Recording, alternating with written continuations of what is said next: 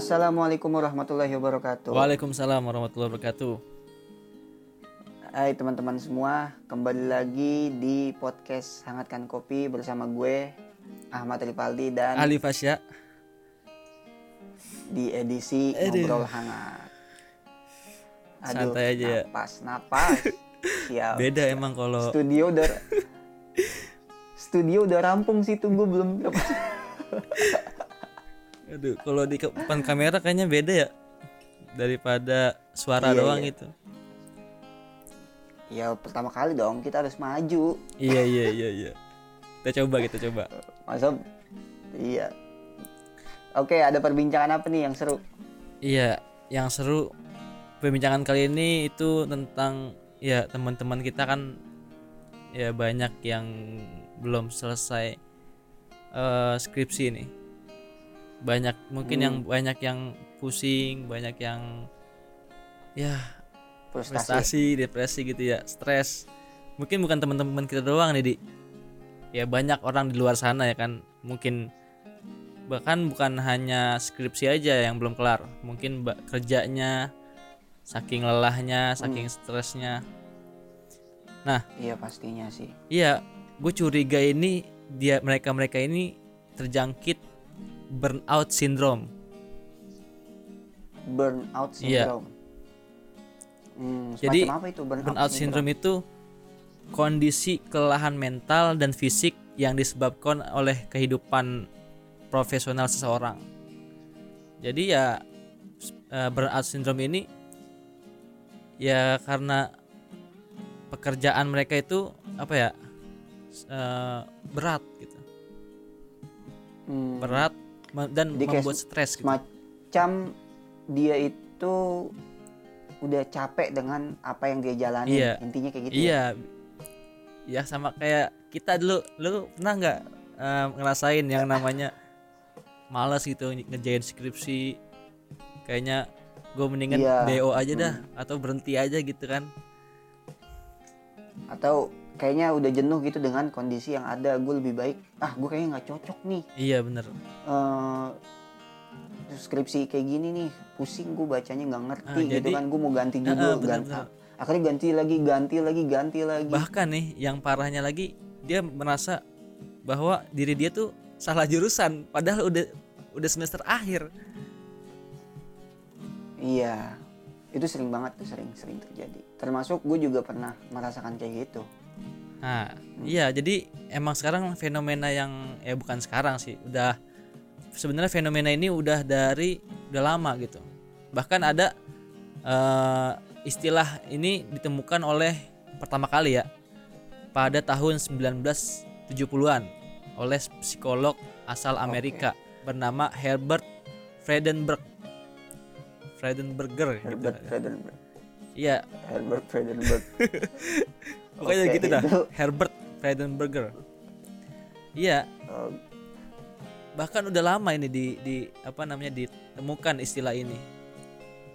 Karena memang tapi si Heb- Herbert Friedenberger itu benar-benar orang yang mungkin melakukan penelitian yang pertama kali iya ya. pertama kali. Tapi memang se- se- sebelumnya sebetulnya orang pasti udah jenuh-jenuh itu pasti udah iya. Ada tapi dibuktikan oleh Her- Her- Herbert Iya. itu pas di tahun itu. Benar-benar ya Iya. karena Nah. eh, karena banyak orang yang depresi stres sampai-sampai dia tuh apa-apa yang dilakukan itu ya udah nggak udah nggak apa lagi?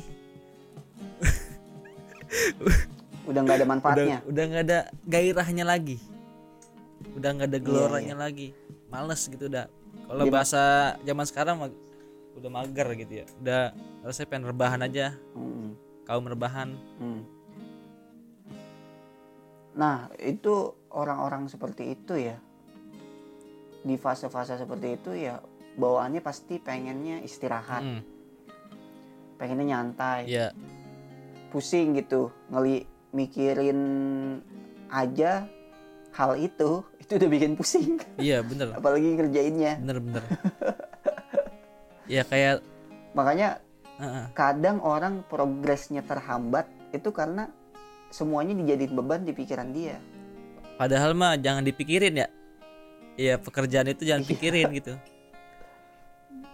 Terus diapain? Ya dikerjain. Iya Oh, kan gitu. kerjaan harus Gua dikerjain. Kira, iya, Iya. gue kiranya itu mendingan bayar orang aja untuk kerjain. oh iya iya bayar joki bayar joki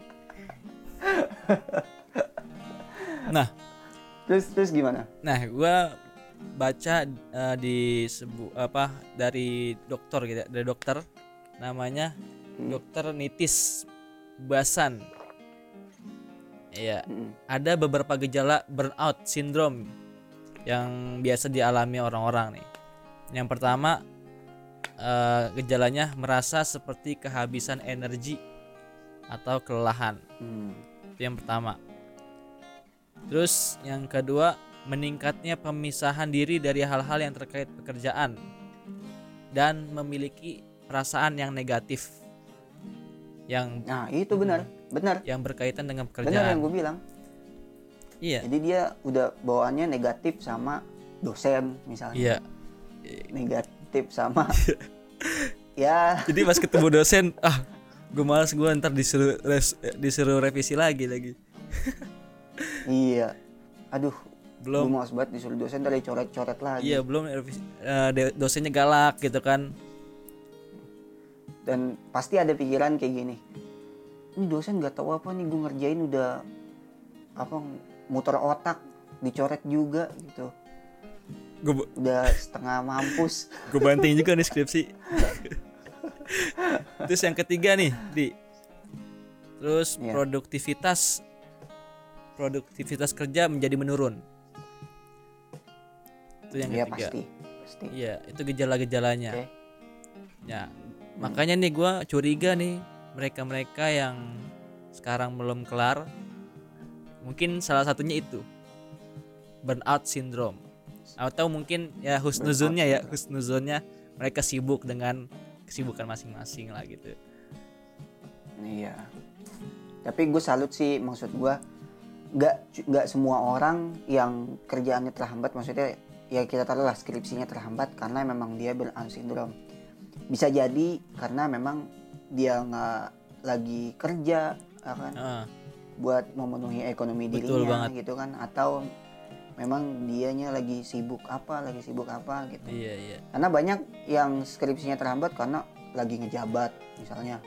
Ngejabat eh, ya jabatan di kampus nah. misalnya. Oh, Atau pemira dia- ada orga, organis aduh itu kita- nanti kita bahas nanti kita bahas. Terus ada misalnya dia eh, aktif di organisasi mana atau mungkin dia ya tadi pekerjaan-pekerjaan yang sehingga menyibukkan dia untuk balik ke laptop lagi Hmm. Nah, ini menurut lu nih ya, ini ini kita opini aja ya. Untuk Hmm. apa kembali dari posisi yang apa burnout syndrome ini untuk kembali lagi gitu, semangat lagi, mau bekerja lagi, mau produktif lagi. Itu menurut lu apa nih kira-kira? Yang kan lu pernah katanya kan tadi pernah begitu kan mengalami Iya. burnout. burnout syndrome Hmm. Apa ketika ketika itu lu la- melakukan apa gitu? waktu itu yang gue lakuin pertama gue puasin dulu Apa tuh? Jalan-jalan. gue puas gue gue puasin dulu mau gue kan, kan burnout syndrome itu semac kayak gimana ya kayak semacam lo itu bosen pengen balik ke laptop Nah, rasanya jenuh banget pengen balik ke laptop. Atau eh, pengen ngobrol ke dosen lagi tuh udah rasanya tuh udah nggak nggak semangat gitu. Nah cari eh, momen yang di mana lo emang pengennya itu gitu. Hmm. kayak semacam kumpul sama teman-teman atau eh, no- apa namanya santai seharian. Nonton YouTube atau dengerin musik atau baca buku atau jalan-jalan gue waktu itu semuanya gue lakuin santai-santai jalan-jalan nongkrong sama temen nah sampai semuanya itu gue udah puas gitu akhirnya gue bisa balik lagi Nah, fokus lagi ke laptop gitu mungkin itu eh, berpengaruh buat lu ya. Nah, gimana nih kalau ada ya orang gitu ya. Malah eh, melakukan hal yang sama sama kayak lu gitu dia malah makin mager gitu. Sebaliknya gitu. Iya iya. Malah makin iya menikmati ya? apa emang udah menjadi karakternya ini? Jangan. Iya sih. Kadang kalau udah semangatnya udah benar-benar punah ngebangkitinnya lagi itu susah. Susah. sama kayak sama kayak orang itu yang apa ya istilahnya nggak pernah belajar. Yang tadinya dia belajar terus kuliah gara-gara kondisi pandemi ini kan dia akhirnya kan belajar di rumah kan. Hmm, nah belajar di rumah kan nggak ada yang kontrol. Guru nggak bisa kontrol. WFH ya. Semuanya WFH belajar main HP segala macam akhirnya dia mikirnya nggak maksimal gitu. Nah berusaha untuk memaksimalkannya lagi itu berat banget pasti. Mm-mm. pasti berat banget. Nah, gue yakin juga nih teman-teman mahasiswa nih yang kuliahnya online, gue yakin tidur tiduran di dosen Iya. lagi jelasin Atau- dia tidur tiduran atau tidur Iya. beneran. Atau lagi atau main. tidur berat atau lagi main Eh, ML jangan-jangan ini. gue sering ngeliat. Gue sering ngeliat ini. Di Instagram Instagram pas guru lagi ngejelasin ada siswanya lagi duduk gitu. Ah itu maju maju maju gitu. Eh ketawa sama gurunya gitu kan. Apa tuh maju maju? gitu. Oh enggak pak enggak pak Aduh, aduh. ada ada aja dah. Generasi Z. Terus apa lagi tuh selain yang tadi ngepuas muasin ap- apa mengepuasin rasa jenuh lah gitu ya. Eh muas muasin iya iya. puasin rasa jenuh. Iya bangkitin lagi semangat lu. Emang yang paling susah tuh ngebangkitin semangat lagi. Balik lagi ke laptop itu pas lu ngeliat tulisan-tulisan lu atau eh, skripsi lu yang udah setengah itu itu mata lu panas banget rasanya itu rasanya panas banget bener Nah. tapi ya Heeh. harus dipaksakan dalam waktu ya sebenarnya nggak lama setengah jam aja lo paksain nanti moodnya bakal naik lagi itu opini gue Iya, ya iya. itu cara gue cara gue kayak gitu Coba dong. Ah, gimana Eh. Nah kalau gua nih Iya. opini gua kan eh, gue juga pernah mengalami yang namanya ngerjain skripsi pasti ya lah gue paham lah teman-teman semua atau orang-orang yang bekerja apalagi WFH ya pasti mengalami kebosanan kebosanan di pekerjaannya nah ketika itu sih gua me- mempunyai apa ya uh, motivasi gitu dari orang tua ya kan? Dari guru. Bahkan gue pernah waktu itu minta izin nggak ngaji sebulan sama gue Hmm. minta izin ke kiai gitu untuk ngerjain skripsi. Sebulan gue minta minta waktu sebulan gitu. Akhirnya selesai Oke. juga sebulan tuh skripsi. Karena apa? Karena ada dorongan gitu. Kalau gue nggak selesai skripsi sebulan nih ya iya Ya, betul betul, nggak- betul betul. Betul itu. Ya berarti gua apa namanya ya, udah melanggar perjanjian gitu kan? Hmm, iya benar benar benar. Atau mungkin gua eh, apa ya nggak nggak bisa ngaji lagi bisa ngaji gua tuh jadi eh, tertunda terus gitu. Iya iya iya. Tapi kadang ketika kita sudah maksimal nih dorongan, ada aja hambatannya. Hmm.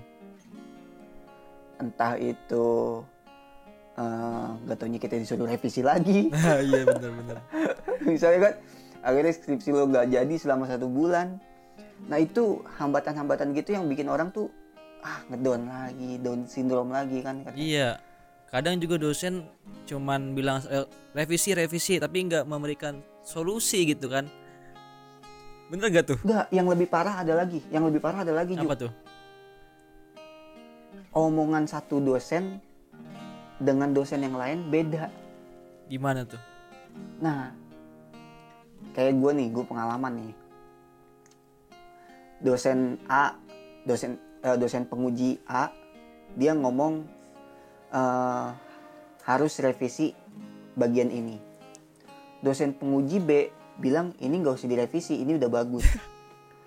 Terus gue bingung, kata gue, ini ya gue harus milih yang mana? kata gue nah dua pilihan ini yang bikin sama Ah, itu kayak gue sama. ini sama banget ini, sama. ini dosen koordinasi nggak sih?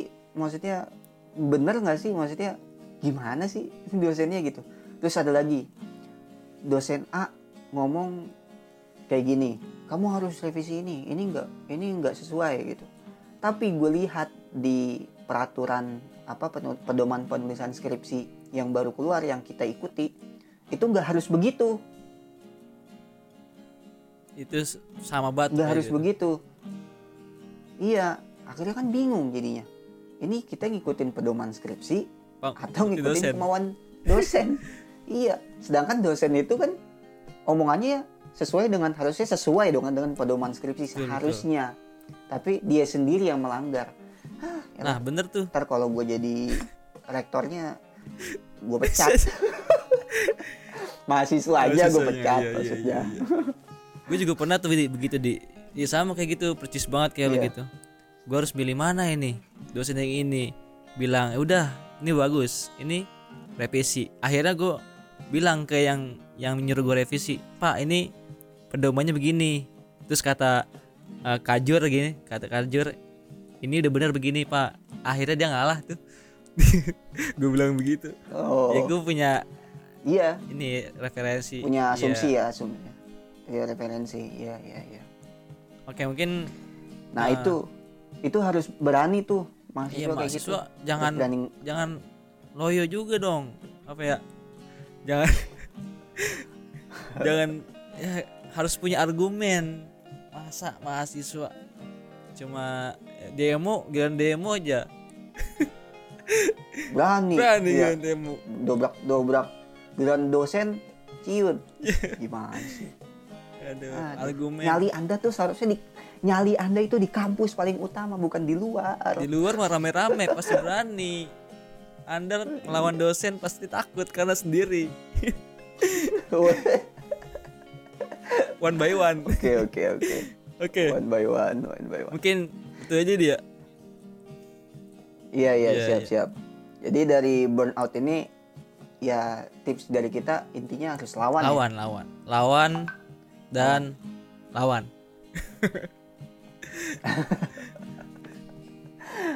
Oke, terima kasih atas eh, obrolan iya hangatnya. gitu. opini Dan kita akan opini ketemu kita. lagi. Iya, kita akan ketemu lagi di podcast hangatkan kopi Iya. selanjutnya. Assalamualaikum warahmatullahi wabarakatuh. Waalaikumsalam warahmatullahi wabarakatuh